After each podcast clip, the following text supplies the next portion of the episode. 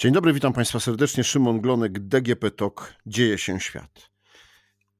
Naszym i Państwa gościem jest e, Michał Potocki, mój kolega redakcyjny, specjalizujący się e, w, no, w ostatnich czasach właśnie w tym, co dzieje się w Ukrainie. Witaj Michał, cześć. Dzień dobry, cześć. No, ostatnio rozmawialiśmy, byłeś jeszcze w Lwowie, teraz już e, z Warszawy. E, ale cały czas e, trzymasz rękę na pulsie. E, no i tak, gdy wojsko rosyjskie wycofało się z, wycofuje się z kolejnych miast, to niestety dowiadujemy się o tym, jakie straszne zbrodnie wojenne zostały tam popełnione. Cały świat jest zatrwożony tymi doniesieniami. A jak to wpływa na sytuację na Ukrainie.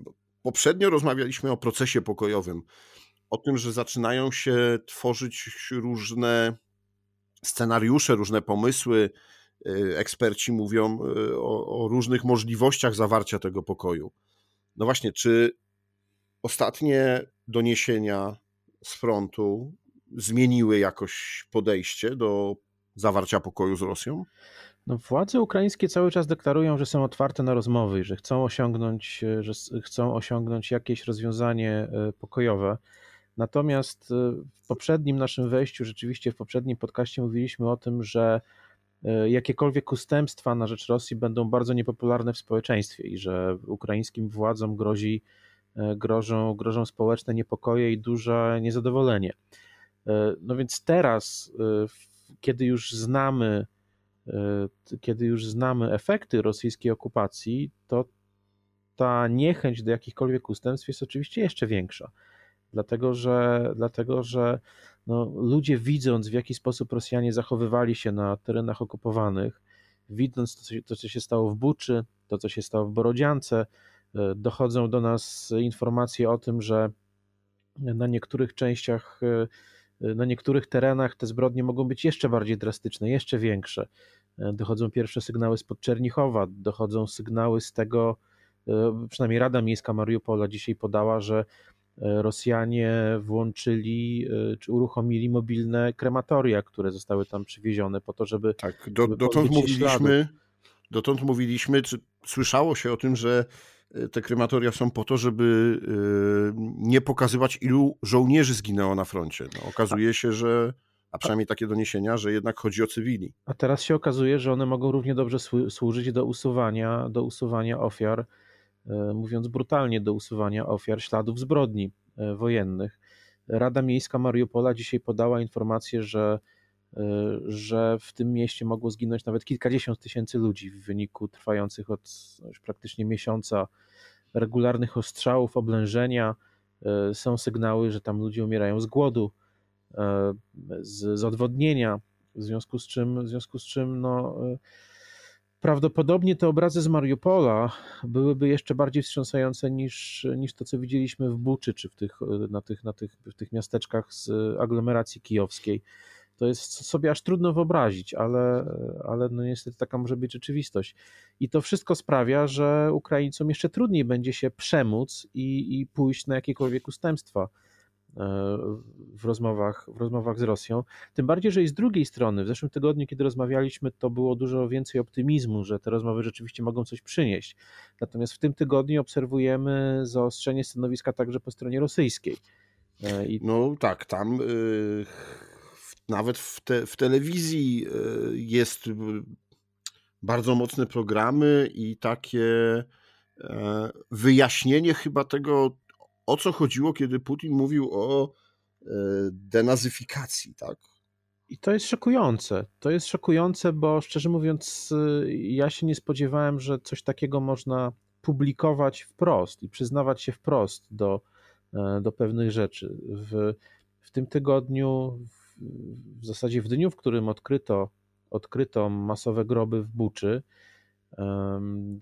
RIA Nowości, czyli rosyjska agencja informacyjna, państwowa agencja informacyjna, czyli takie, e, taki, takie medium, które publikuje wyłącznie treści idące po linii Kremla. Tam nie ma miejsca na jakieś wielkie debaty publiczne.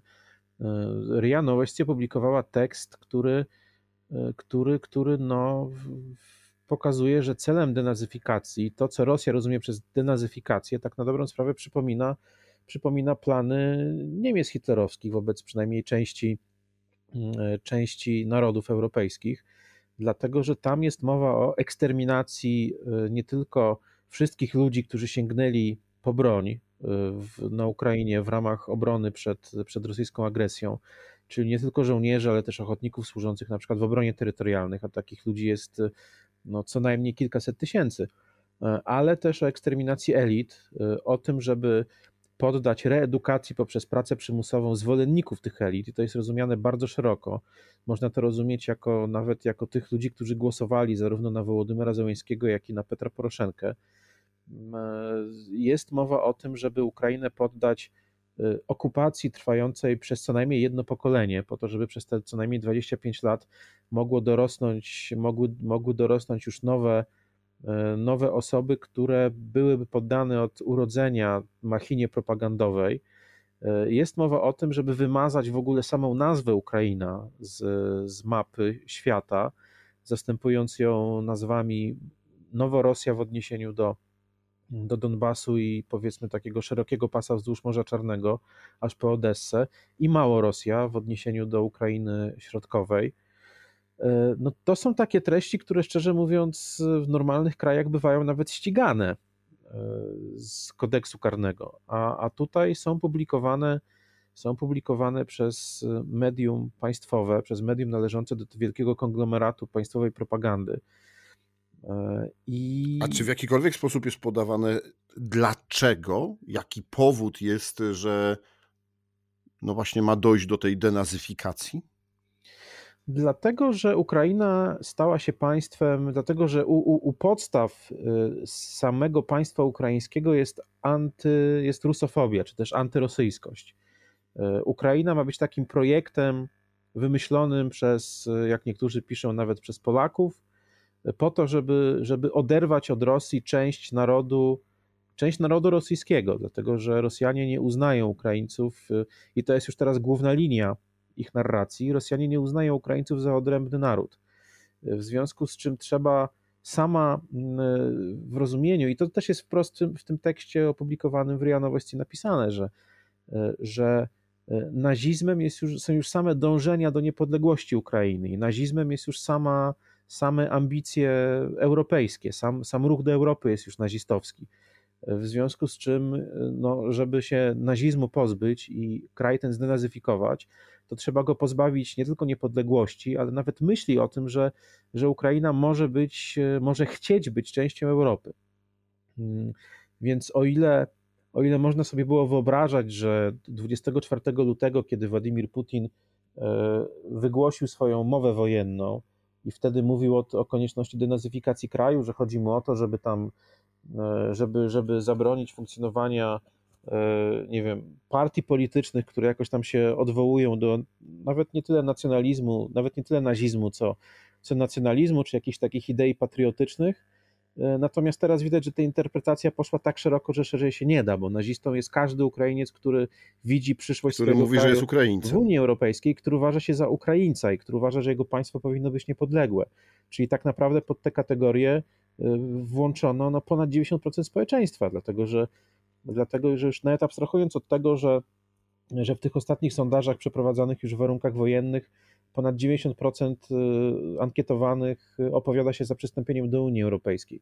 E, ale przecież zwolennikami niepodległości Ukrainy jest, jest, jest no, są w zasadzie prawie wszyscy Ukraińcy. Tak? To zawsze, nawet przed wojną, to były jakieś pojedyncze procenty, które, które, widziały, które widziały przyszłość swojego kraju w zjednoczeniu z Rosją. Po rosyjskim ataku z 24 lutego myślę, że duża część nawet tych ludzi, którzy i tak byli marginesem politycznym, zmieniła zdanie a już na pewno zmieniła zdanie w takich miastach jak Mariupol. Mariupol, jak się patrzyło historycznie na sondaże, Mariupol był najbardziej prorosyjskim z ukraińskich miast.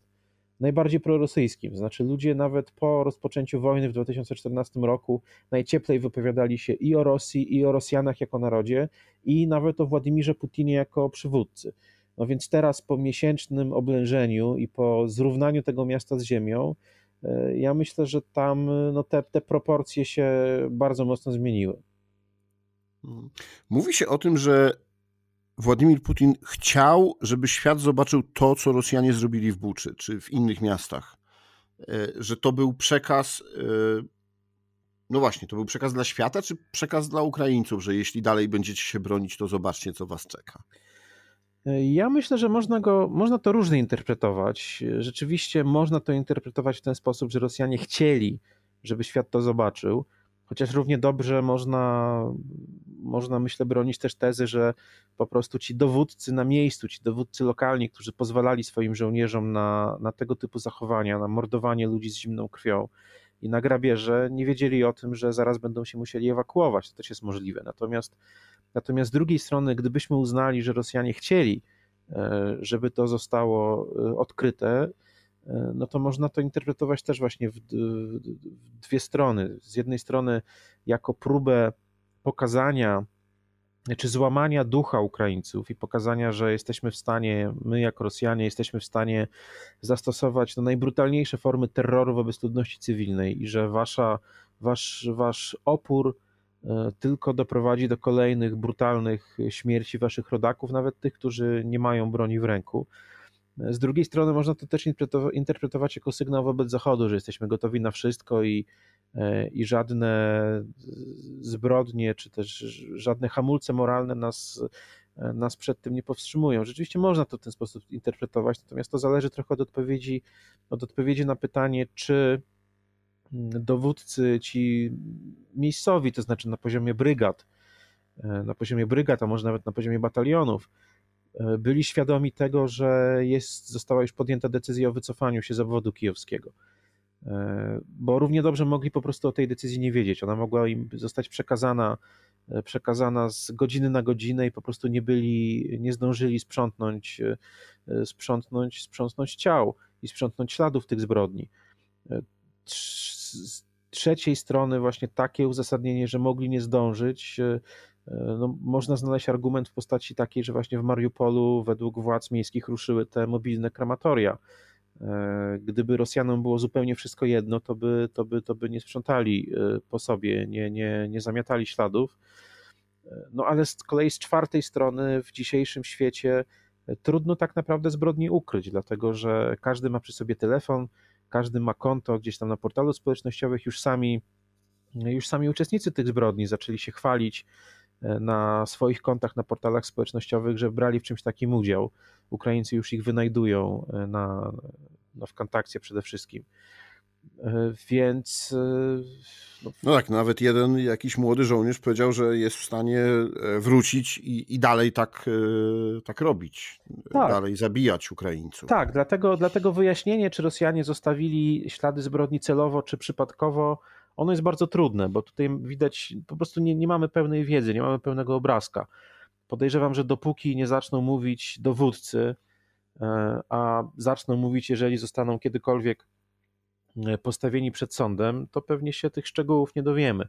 Na szczęście dzięki, dzięki właśnie temu, że żyjemy w świecie mocno scyfryzowanym i zinternetyzowanym, e, to ludzie, którzy zajmują się białym wywiadem, są w stanie bardzo wiele rzeczy ustalić. I my już praktycznie w dużej mierze jesteśmy w stanie ustalić, które konkretnie brygady, które konkretnie rosyjskie oddziały E, mogły, e, mogły tę zbrodnię, przynajmniej zbrodnię w Buczy popełnić. No tak, i też e, satelity pokazały, że te ciała już tam były, no bo oczywiście cała propaganda i cała dezinformacja rosyjska zaczęła mówić, że to nie my, że to Ukraińcy, że, że to spreparowane jakieś zdjęcia. Tak, że to są aktorzy, którzy leżą na ulicach i udają tylko ciała. No i charakterystyczne w zasadzie jest to, że e, dla rosyjskiej propagandy charakterystyczne, że jednocześnie w zasadzie często w jednych tekstach, w jednych artykułach są podawane właśnie bardzo różne sprzeczne ze sobą wersje. To znaczy, że z jednej strony to są ofiary ofiary wojsk ukraińskich, albo kolaboranci miejscowi, czy też ludzi podejrzewani, ludzie podejrzewani o kolaborację, albo w ogóle e, żołnierze rosyjscy, a z drugiej strony, że to jest wszystko ukartowane, wyreżyserowane, nawet jest podawane nazwisko konkretnej e, producentki filmowej, która miała się tym, miała to wszystko spreparować. I ta, te sprzeczności Rosjanom nie przeszkadzają, a nawet z punktu widzenia rosyjskiej propagandy są celowo mnożone, dlatego że nie chodzi o to, żeby żeby nas przekonać do jakiejś konkretnej wersji. Chodzi o to, żeby przekonać nas, że wersji jest bardzo wiele i w związku z czym w zasadzie trudno ustalić, która z nich jest prawdziwa. Chodzi o to, żeby właśnie tworzyć taką mętną wodę, w której trudno jest orzec, dojść do prawdy. Prawdziwe, dojść do prawdy, orzec, co jest prawdziwe, co jest fałszywe, uznać, że pewnie wszyscy kłamią, nikomu nie można wierzyć, nic się nie da ustalić. E, I to jest, to jest bardzo charakterystyczne od lat dla rosyjskiej propagandy. Tak samo rosyjska propaganda reagowała, reagowała po zestrzeleniu e, Boeinga malezyjskiego nad Donbasem w 2014 roku. To jest w gruncie rzeczy taktyka defensywna. Defensywna stosowana wtedy, kiedy, Ros, kiedy w zasadzie wina Rosji nie budzi wielkich wątpliwości. To wtedy trzeba właśnie namącić e, tak, żeby przynajmniej część odbiorców uznała, że no w zasadzie kto to może wiedzieć, co tam się wydarzyło.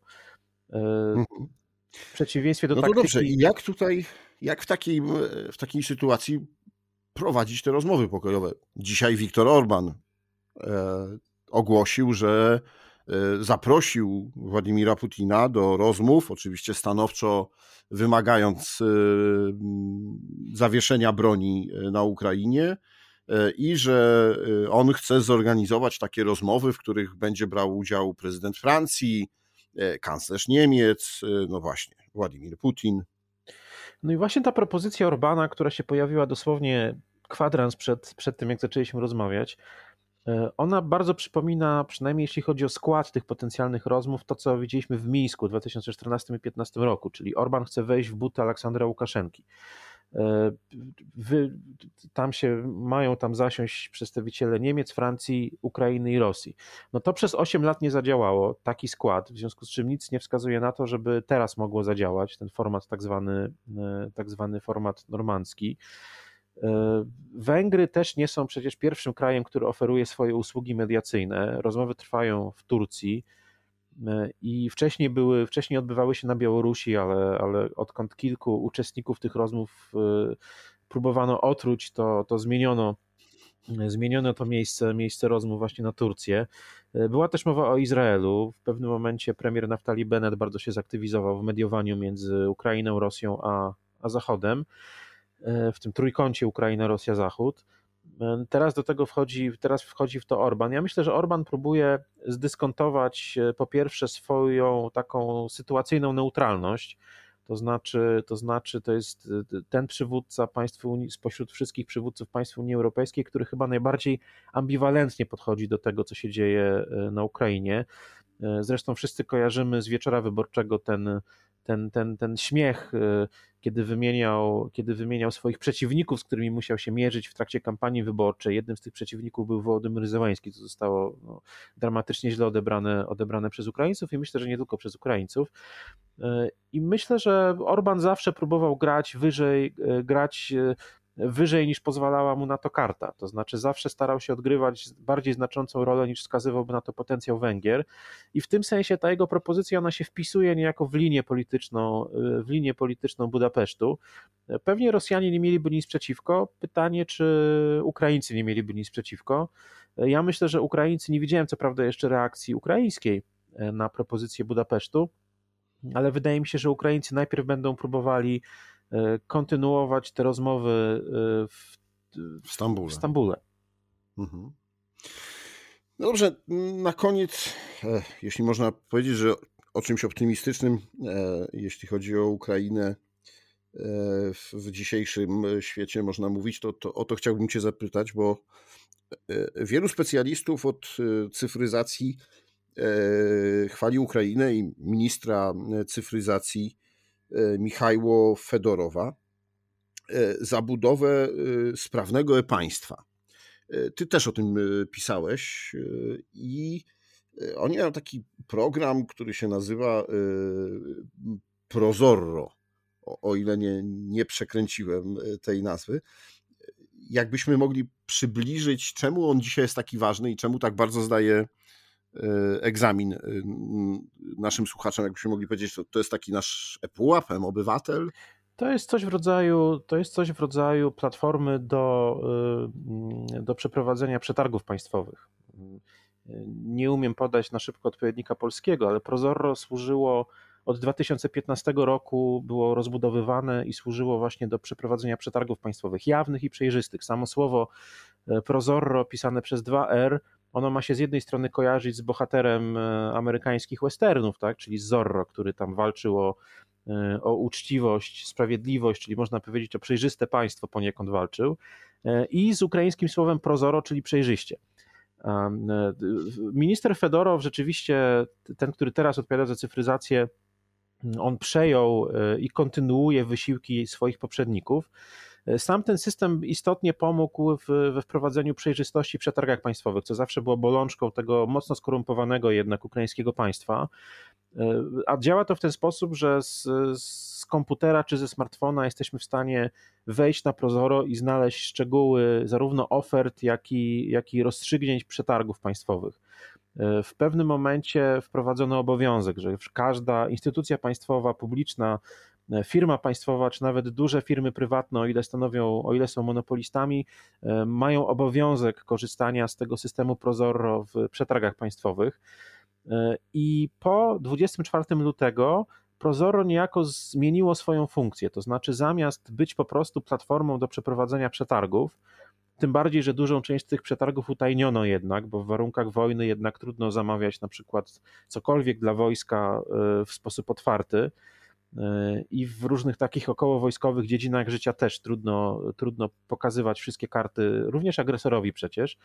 E, Prozorro stało się taką platformą do kojarzenia kontrahentów, to znaczy dzięki tym swoim sześciu latom, a w zasadzie ile to już lat minęło? Siedmiu rok, siedem lat minęło e, od, od, odkąd, odkąd Prozoro ruszyło, e, no to stworzyło de facto taką ogromną bazę e, kilkunastu tysięcy odbiorców państwowych i około państwowych i kilkuset tysięcy dostawców. E, dlatego w sytuacji, w której tuż po wybuchu wojny część tych firm przestała działać z racji tego, że były rozlokowane na przykład na terenach, e, gdzie są prowadzone działania wojenne albo terenach okupowanych, to wiele takich e, łańcuchów logistycznych po prostu się przerwało. I te firmy, które na przykład kupowały chleb, pożywienie, meble, jakieś inne produkty, produkty pierwszej czy drugiej potrzeby, nagle straciło, y, straciło swoich klientów i z drugiej strony to samo. Wielu producentów straciło odbiorców, bo po prostu ci, którzy dotychczas odbierali ich produkcję, przestało funkcjonować. E, I Prozorro ma pomóc y, kojarzyć jednych i drugich, to znaczy tych sprawdzonych dostawców z tymi sprawdzonymi odbiorcami i w ten sposób niejako przyspieszać ruch w gospodarce, budować nowe łańcuchy logistyczne, które w warunkach gospodarki wojennej e, będą w stanie działać. E, poza tym wszystkim oczywiście na Ukrainie jest duża, duża liczba różnych innych tego typu programów. Jest coś, co rzeczywiście przypomina naszego M-Obywatela, to jest aplikacja DIA, czyli działanie, i w tej aplikacji, na przykład przez tę aplikację można e, można teraz składać wnioski o zapomogi.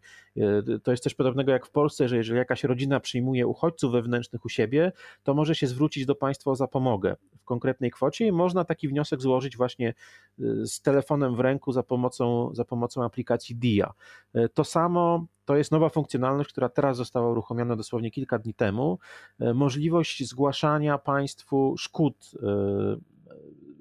spowodowanych przez działalność rosyjskiej armii. To znaczy, jeżeli komuś, e, jeżeli komuś e, Rosjanie zrujnowali dom, e, jeżeli gdzieś tam poszły okna, na przykład ze względu na ostrzał czy na falę uderzeniową, to może też zgłaszać te szkody właśnie za pośrednictwem DI i później teoretycznie te szkody powinny być w jakiś sposób pokrywane, czy też państwo będzie wiedziało, co trzeba odbudować, gdzie i tak dalej, i tak dalej.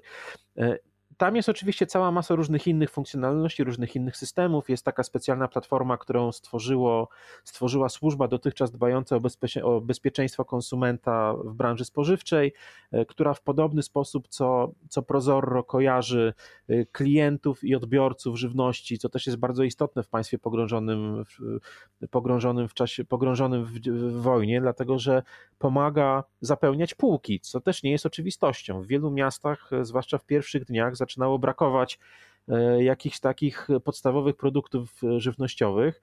E, chociażby także przez to, że, że te łańcuchy logistyczne się gdzieś tam pozrywały, albo z komunikacją był problem, z transportem. Ta platforma pomaga, e, pomaga na nowo te łańcuchy budować. No i ja muszę powiedzieć, że e, po wizycie w Lwowie, ale też po tym, co słyszałem od e, chociażby naszego kolegi redakcyjnego Zbyszka Projafianowicza, który krąży między Charkowem i Kijowem, że w zasadzie nawet w tych miastach no nie to, żeby półki były tak samo bogate jak przed inwazją, ale nie ma problemów wielkich z, z dostępem do takich podstawowych artykułów spożywczych, jak nie wiem, woda, chleb, czy, czy, czy, czy, czy mięso, czy cukier, i to jest też po części zasługa właśnie tej cyfryzacji państwa. To pokazuje, jak ważne jest, jak ważne jest sprawne funkcjonowanie e-państwa w warunkach, które, e, które, które zapewniają nam właśnie nowoczesne technologie. I to jest pewnie też nauczka dla nas wszystkich, żeby, że w czasach kryzysu E, sprawnie działające państwo jest, e, ma niebagatelne znaczenie. Obyśmy nigdy takiego kryzysu nie przeżywali. Ukraina się uczy teraz na własnych błędach, ale też uczy się na własnych sukcesach. E, my możemy z tej wiedzy na pewno korzystać, bo, bo wbrew takiemu stereotypowi państwa ukraińskiego, jako państwa pewnie gdzieś tam ten stereotyp funkcjonuje, jako państwa zacofanego czy państwa nienowoczesnego, to nie jest do końca prawda. Ukraina na wielu, na wielu szczeblach przeskoczyła kilka poziomów rozwoju w takich właśnie szczeblach jak bankowość internetowa, jak, jak e-państwo e, i w, myślę, że paru rzeczy moglibyśmy się nawet od Ukrainy e, w tej sferze nauczyć. No to e, chyba udało nam się dość optymistycznie e, podsumować naszą rozmowę i rzeczywiście dobrze, że e, wykorzystali ten e, czas na cyfryzowanie państwa na tyle, na ile go mogli wykorzystać. Michał, dziękuję Ci bardzo e, za rozmowę. No i e, pewnie niedługo usłyszymy się znowu. Bo, bo sytuacja, jak widać, jest dynamiczna. Dziękuję serdecznie i do usłyszenia. Do usłyszenia. To był Dzieje się świat DGP TOK. Rozmawiał Szymon Glonek.